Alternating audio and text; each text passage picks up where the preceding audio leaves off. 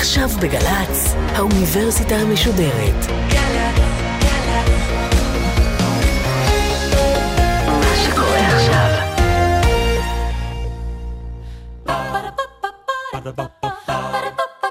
גל"צ.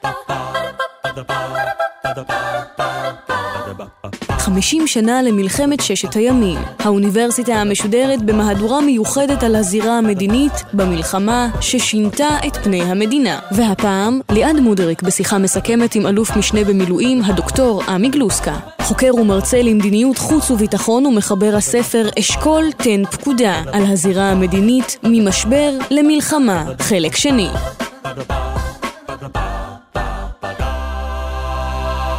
ערב טוב, שוב שלום לכם. אנחנו בתוכנית האחרונה בסדרה המיוחדת של האוניברסיטה המשודרת במלאת 50 שנה למלחמת ששת הימים, ובחרנו דווקא לא לתאר את המלחמה עצמה או לעסוק ישירות בתוצאותיה ובהשלכותיה על ישראל 2017, אלא לתאר את המהלכים שהביאו לפרוץ המלחמה, שגם מהם ניתן ללמוד לא מעט על ישראל הנוכחית ועל המצב האזורי. גם כיום איתנו שוב הדוקטור עמי גלוסקה, שלום לך. שלום וברכה. אז סיימנו אתמול בנאום המגומגם, אה, יחסית לפחות, של אשכול, מולו התבטאויות חריפות של ראש אש"ף דאז וגם של נשיא עיראק. כן, יש התלהמות ערבית אה, בכלל, כוללת. יש מין תחושה אקסטטית בעולם הערבי, בעיקר אצל הציבור הפלסטיני. הדבר הזה תהיה לו השפעה על מה שיקרה עם ירדן עוד מעט. אבל אנחנו מדברים כרגע על 28 במאי, אחרי שהממשלה החליטה על המתנה של שלושה שבועות, בניגוד כמובן גמור לתביעה של הצבא, של המטה הכללי, אה, לפעול. והזכרת קודם, בסוף התוכנית הקודמת, שהפער הזה בין התביעה של המטכ"ל לבין ההחלטה של הממשלה מעורר אצל חלק לפחות אולי מהאנשים דילמה, התלבטות, האם יש צורך היסטורי לצאת נגד ריבונות הממשלה אפילו? כן, יש דיבורים על כך. יש דיבורים על כך במטה הכללי, בין חברי המטה הכללי, ויש עדויות על כך.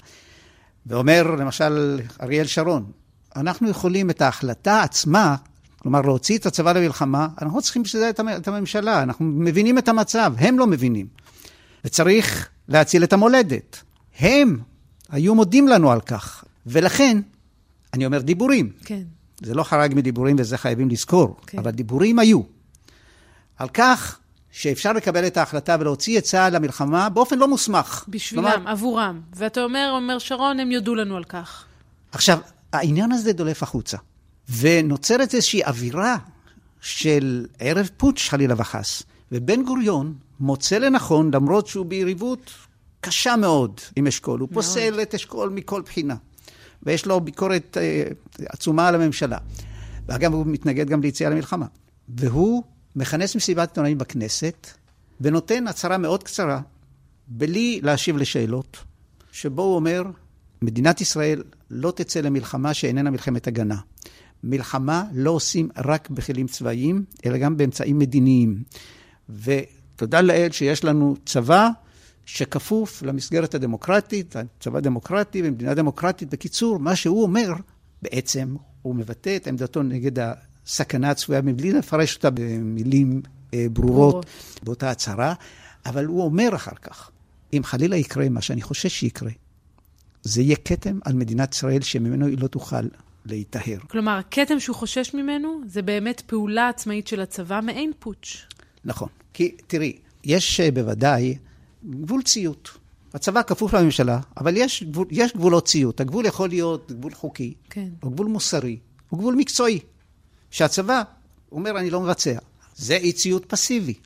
אי ציות אקטיבי מן הסוג הזה, של להוציא את צה"ל למלחמה, שהמטה הכללי יקבל החלטה כזאת לא מוסמכת, בניגוד כמובן גמור להחלטת הממשלה על אי יציאה למלחמה בשלב הזה, זה כבר פוטש. מתח בין הדרג הצבאי לדרג המדיני, אלה דברים אה, כן. ש, ש, שקיימים. השאלה היא, בסופו של דבר, אם הצבא פועל על פי החלטות הממשלה, או שהצבא חורג מהחלטות הממשלה. אבל בסופו של דבר, במבחן התוצאה, בשורה התחתונה, לא נעשה משהו לא תקין. אבל המתח הזה בעצם גם זולג לציבור. מתחילות ממש הפגנות או התכנסויות, עולה בדעתי האספה של נשות ווינזור העליזות, שאומרות, אנחנו רוצים, הממשלה הזאת לא מספיקה לנו. למעשה, כבר מה-23 לחודש, מיד אחרי חסימת המיצרים, מתחילה איזושהי תנועה בדרגים הפוליטיים, שזה מענה בעצם להלך הרוח בציבור, שאיכשהו אשכול לא, לא מתאים לסיטואציה הזאת. כן. הוא בסדר, אנחנו מאוד מאוד מוקירים את uh, אותו כראש ממשלה, שיצר אווירה מאוד נינוחה בארץ וכולי, אם כי הייתה לו כמובן שנה מאוד רעה, אנחנו יודעים, כן. כמובן uh, uh, שנת המיתון הכלכלי, אבל לסיטואציה הזאת הוא לא מתאים, צריך את בן גוריון. והאמת היא שאפילו בגין מתגייס כדי להביא את בן גוריון לממשלה. על בן גוריון סומכים, בן גוריון כמובן, אלא שאשכול אומר, שני הסוסים האלה לא ימשכו בעגלה אחת. כן. ובכלל, יש בכלל ספק אם בן גוריון יסכים להיות בממשלה של אשכול. של אשכול. כיוון שהמועמדות של בן גוריון יורדת, אז צריך דמות, את תיק הביטחון צריך להוציא מלוי אשכול, להעביר אותה לאיזושהי דמות צבאית. יש שני מועמדים אפשריים. אחד זה יגאל אלון, מפקד הפלמ"ח, כן. גיבור מלחמת העצמאות, והשני הוא משה דיין. יגאל אלון זה זיכרון קצת רחוק, כי זה מלחמת העצמאות, עברו 19 שנה, ומי זוכר אותו? זוכרים אותו, אלה שהיו אז בארץ. כן. רוב הציבור הוא ציבור ש... חדש. חדש. ואת מי מכירים? משה דיין, כמובן. משה דיין פועל בחוכמה, הוא לא שותף לכל, ה... לכל הפעילות הזאת, הוא בכלל מסתובב ביחידות הצבא. כן. בשלב מסוים אפילו מבקש שיחיילו אותו, כן. כדי שההסתובבות שלו שם תהיה לגיטימית. אשכול עושה כל מאמץ לשמור בידיו את תיק הביטחון. אבל לאט לאט הוא הולך ומאבד את התמיכה של הקרובים לו ביותר אפילו, מהמפלגה שלו. ובסופו של דבר מסתמן מצב שבו יגאל אלון יהפוך להיות אה, שר הביטחון. יגאל אלון אומר, אני אעשה את זאת בלויאליות מלאה אליך. הוא רומז על כך שדיין לא יהיה לויאלי, כן. דיין גם שייך למפלגה אחרת, לרפי. כן. דיין ששומע על כך, אמנם זה מאוד חורה לו, אבל הוא מבקש תפקיד ביצועי. הוא מבקש להיות אלוף אה, פיקוד הדרום. ואשכול נאלץ, אמנם בכאב לב, אבל הוא נאלץ, נאלץ להסכים להיפרד מתיק הביטחון, ונדמה שהתשבץ הושלם. כן. אבל אז המפד"ל אומרת, нет, מה פתאום? אנחנו לא מוכנים לזה. כי מה? כי אנחנו רוצים ממשלת אחדות. הסיטואציה הזאת מחייבת ממשלת אחדות. ממשלת אחדות מחייבת להכניס את רפי ואת גח"ל. גח"ל זה גוש חירות ליברלי בראשות כן. מנחם בגין לממשלה. גח"ל ורפי מתואמים, והדרישה שלהם היא למנות את דיין לשר הביטחון. אחדות העבודה אז נתפסה כקיצונית יותר מחירות, וקיצונית יותר כמובן מרפי. מעניין. ובסופו של דבר, אשכול עמד בפני חוסר ברירה, וב-1 ביוני, ב-4 אחר הצהריים, הוא הזמין את uh, משה דיין והציע לו את תיק הביטחון.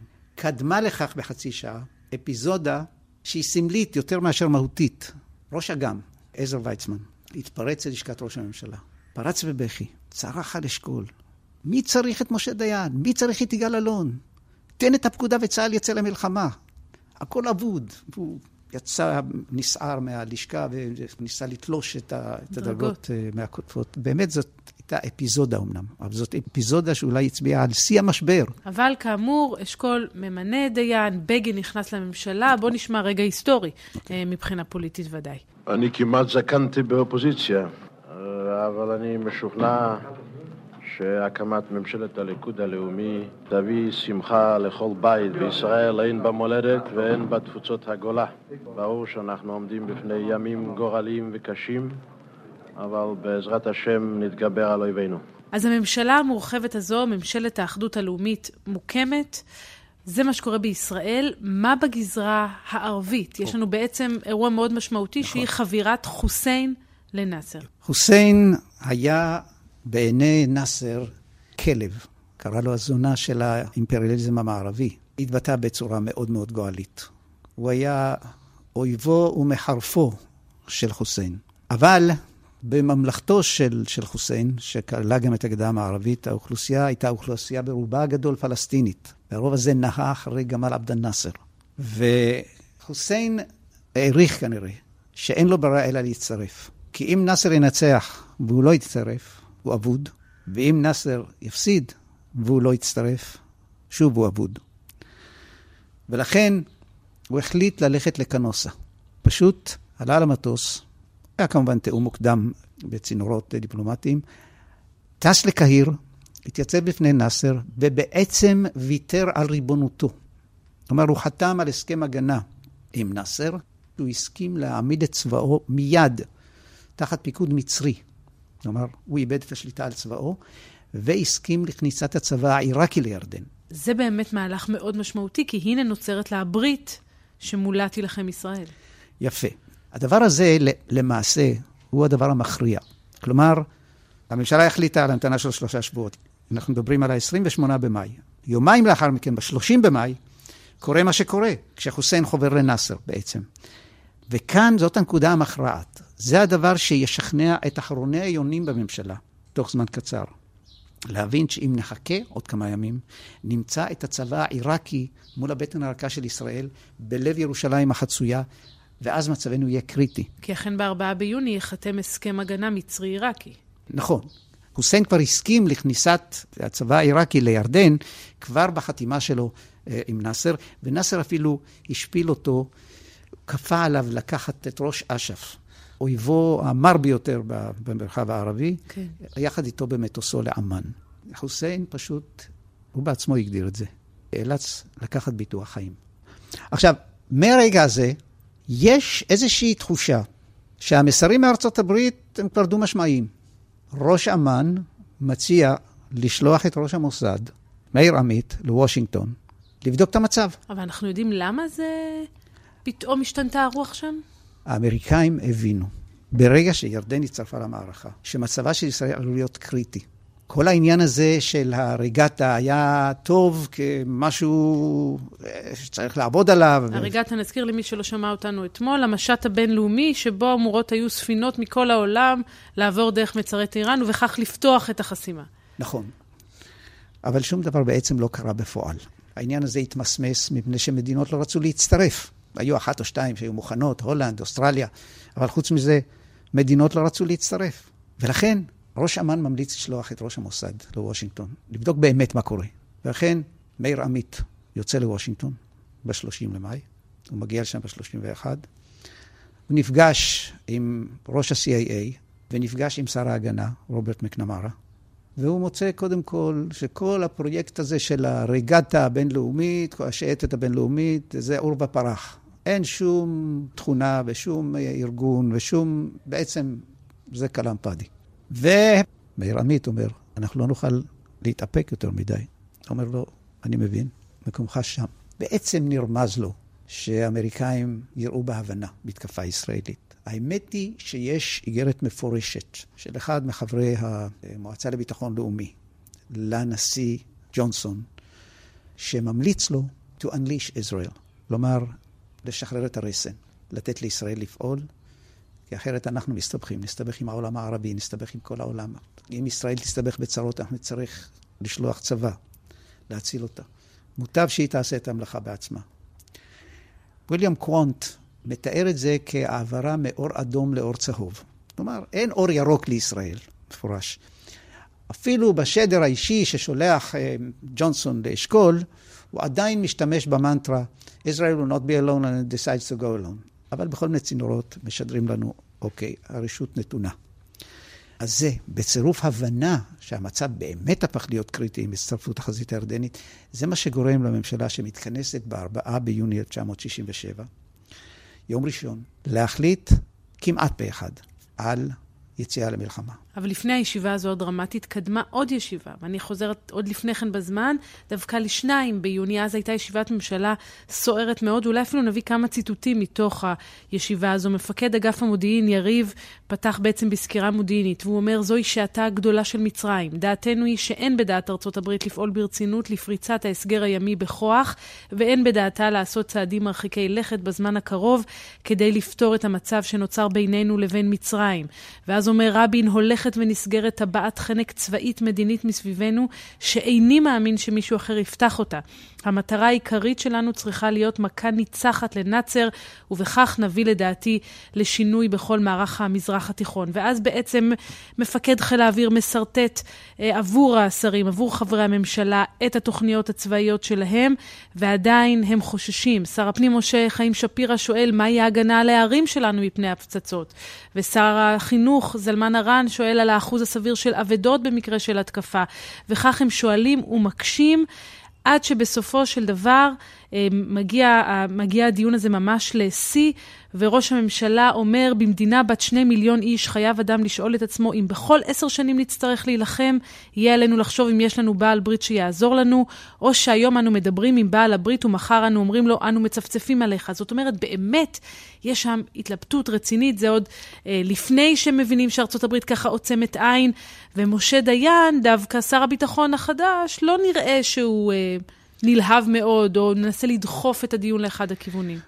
משה דיין, בעצם המפגש הראשון שלו, הוא התמנה ערב לפני כן. כן. אז זה בעצם, יש לו דיון ראשון, והוא לא רוצה לשתף את שאר השרים בעצם בעמדה האמיתית שלו.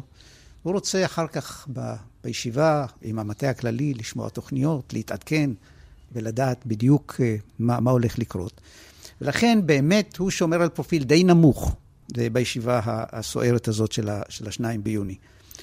אבל הישיבה הזאת, עמדת הצבא, כפי שציינת אה, אה, והזכרת, ציטוטים מה, מהישיבה הזאת, זה השפיע על השרים, לא מפני ששומעים את הדברים האלה בפעם הראשונה, אלא מפני שהפעם זה מתלכד עם עוד שתי התפתחויות שדיברנו, כמובן, העניין של אמריקאי. החזית המזרחית שעומדת להיות פעילה, וברור לגמרי כן. שצריך פה לעשות פעולת המנעה מוקדמת.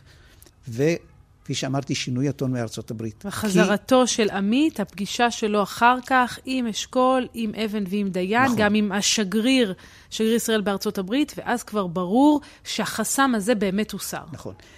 מאיר עמית אומנם מציע להמתין עוד שבוע. ודיין אומר, בשבילה להמתין עוד שבוע. מה, אנחנו השתגענו? אם אנחנו מחליטים שאנחנו חייבים לפתוח במלחמה, אז חייבים לפתוח כעת.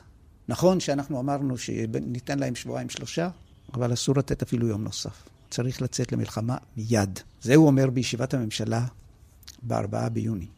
שהיא הישיבה הגורלית. שהיא הישיבה הגורלית והמכרעת. בסופו של דבר הממשלה באמת מקבלת את, ה, את העמדה, ומקבלת החלטה, שהיא החלטה שאין בה שום רמז אפילו, על איזושהי תביעה טריטוריאלית כלשהי. פשוט לשבור את טבעת החנק שהולכת בנסגרת סביב ישראל. זה מה שהיא, זאת, זאת המשימה שמוטלת על הצבא. להוציא את צה"ל למלחמה על מנת להסיר את טבעת החנק ההולכת ומתהדקת אה, סביב מדינת ישראל.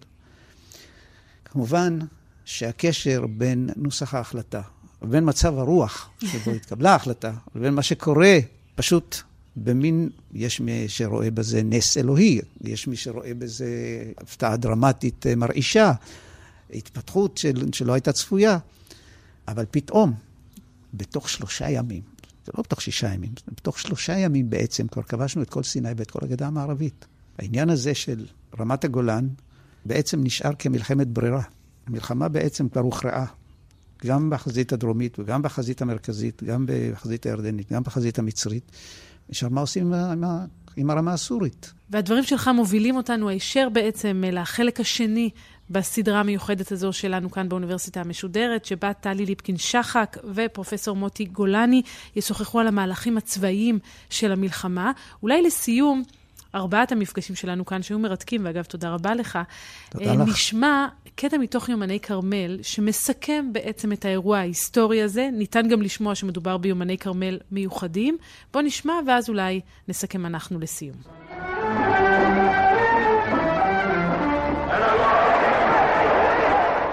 זהו קטע מתוך יומן מצרי שנפל לידינו. יומן זה קצת שונה מן היומנים שאנו רגילים להם, והוא מדבר בעד עצמו.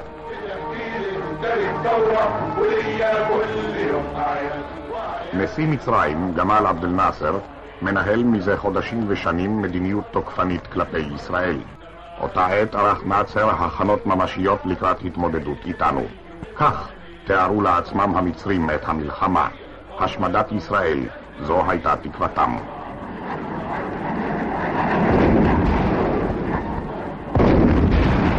בחמישה ביוני עם שחר פרצו הקרבות. צה"ל היה מוכן להדוף תוקפנות. חיל האוויר הישראלי הופעל כדי לשתק את שדות התעופה ואת המטוסים המצריים. ביום הראשון למערכה הנחית חיל האוויר של צה"ל מכה ניצחת לאווירייה המצרית. כך זה נשמע. ובאמת אמרת קודם, נס או פלא, מבחינה צבאית ברור שמדובר כאן במשהו חסר תקדים. מה שאנחנו בעצם חשפנו כאן בארבעת המפגשים האחרונים זה את מערכת הלחצים והמהלכים מאחורי הקלעים שהובילו אל הרגע הזה, ועוד כאמור ידובר כאן בגלי צה"ל גם על המהלכים הצבאיים וגם על ההשלכות הפוליטיות והחברתיות של המלחמה הזו. ואני רוצה דווקא לשאול אותך, כי אנחנו היום חיים במציאות שבה כל המהלכים הדיפלומטיים האלה עדיין חבויים מן העין. הם מתגלים אחר כך להיסטוריונים כמוך שחושפים אותם עבורנו. יש משהו שאפשר ללמוד מההתנהלות הזו לקראת מלחמת ששת הימים, שהוא גם לדעתך רלוונטי לחיינו כאן ועכשיו? תראי, מדינת ישראל מוצאת את עצמה ערב מלחמת ששת הימים בסיטואציה שלא הייתה כמותה מאז מלחמת העצמאות. כלומר, בפני מתקפה כל ערבית, בקווים שהם בלתי אפשריים להגנה בו זמנית בפני כל הצבאות הערביים, אם הם מאחדים כוחות ופועלים באופן מתוזמן, ובעיקר אם הם יוזמים את המתקפה. אני חושב שהעמדה של צה"ל מבחינה מקצועית הייתה עמדה נכונה. ואני אומנם אמ, נותן המון קרדיט ללוי אשכול על מדינאות במיטבה במשבר, אבל צריך להודות שאלמלא המהלך הדיפלומטי שהוביל בעצם לכך שמצרים ביטלה, שנאסר ביטל ברגע האחרון את המתקפה, אין לנו עדויות מוכחות ומסמכים. יש לנו עדויות, כמובן יש, העדויות אה, של למשל רמטכ"ל צבא מצרים. כן. שמספר לנו שהמתקפה בוטלה ברגע האחרון על ידי נאסר. אבל אילו הייתה מתחוללת המתקפה הזאת, כלומר מתקפה אווירית, על הכור בדימונה ועל שדות התעופה המעטים של ישראל, כל פני המלחמה היו שונים לחלוטין. אני לא אומר שלא היינו מנצחים, אבל היה לזה מחיר כבד מאוד. אני חושב שהעמדה הצבאית המקצועית הייתה נכונה. אני יחד עם זאת חושב שהעמדה המדינית הייתה גם היא נכונה. והעימות בין העמדות האלה הוא עימות שבו חייבת להכריע בסופו של דבר במדינה דמוקרטית העמדה המדינית. זה היה המבחן הקשה ביותר, המתוח ביותר, של עימות בין עמדה צבאית נכונה ובין עמדה מדינית נכונה. וטוב שבסופו של דבר ההחלטה התקבלה כפי שהתקבלה באופן, באופן דמוקרטי. אני צריך לומר עוד משהו. ההערכה הסבירה ביותר היא שמלחמה נוספת בין ישראל למדינות ערב הייתה כנראה מתחוללת. מפני שזאת הייתה הכוונה המוצהרת של ראשי מדינות ערב, מפני שהבעיה הפלסטינית נשארה אה, לא פתורה והייתה מחויבות כל ערבית אז. היום סיפור כמובן הוא שונה כן. והרבה יותר מורכב. אבל אז הייתה באמת מחויבות לעניין הזה של הסרת הסרטן הציוני מן המזרח התיכון, זאת התחייבות. מלחמה הייתה כנראה פורצת, אם ההנחה הזאת היא נכונה. ואני לא, אין דברים דטרמיניסטיים כן. ב- ב- ב- בהיסטוריה, אבל אני אומר, אם ההנחה הזאת היא נכונה, אז טוב שהמלחמה הזאת פרצה, וטוב שאלו היו תוצאותיה. מה עשינו עם התוצאות האלה? את יודעת, יש סיפור שנדמה לי שרבים מהמאזינים ודאי שמעו אותו. על לוי אשכול, שביום, אה, למחרת סיום המלחמה הייתה ישיבת ממשלה, והוא יצא אל צבא העיתונאים שהמתין לו, כשהוא מסמן בידו וי. וכמובן כולם מחאו כפיים ובצהלות, וי, ויקטורי, צ'רצ'יל. הוא השתיק אותם ואמר, חבר'ה, זה לא מה שאתם חושבים. זה לא אבי ההוא. זה וי קריכט מן הרויס. זה אומר, איך יוצאים מזה? איך זוחלים החוצה מהמצב הזה? נדמה לי שהשאלה הזאת נשארה תלויה בחללה של מדינת ישראל ובחלל המזרח התיכון עד היום. ואנחנו נמשיך לעסוק בה כמובן, אה, וגם כאמור במהלכים הצבאיים וגם בהשפעה התרבותית של מלחמת ששת הימים, בהמשך התוכניות המיוחדות כאן של האוניברסיטה המשודרת, במלאת 50 שנה למלחמת ששת הימים. תודה רבה לך על ארבע התוכניות תיאר. האחרונות, ותודה רבה לכם על ההאזנה. ממני ליעד מודריק ומכולנו. ערב טוב. Ba-da-ba-ba-ba האוניברסיטה המשודרת במהדורה מיוחדת על הזירה המדינית במלחמה ששינתה את פני המדינה. ליעד מודריק שוחחה עם אלוף משנה במילואים הדוקטור עמי גלוסקה, חוקר ומרצה למדיניות חוץ וביטחון ומחבר הספר אשכול תן פקודה על הזירה המדינית ממשבר למלחמה, חלק שני. עורכת ראשית טלי ליפקין שחק, מפיקה אביגיל קוש, מנהלת תוכן מאיה להט קרמן. האוניברסיטה המשודרת בכל זמן שתרצו באתר וביישומון של גל"צ וגם בדף הפייסבוק של האוניברסיטה המשודרת.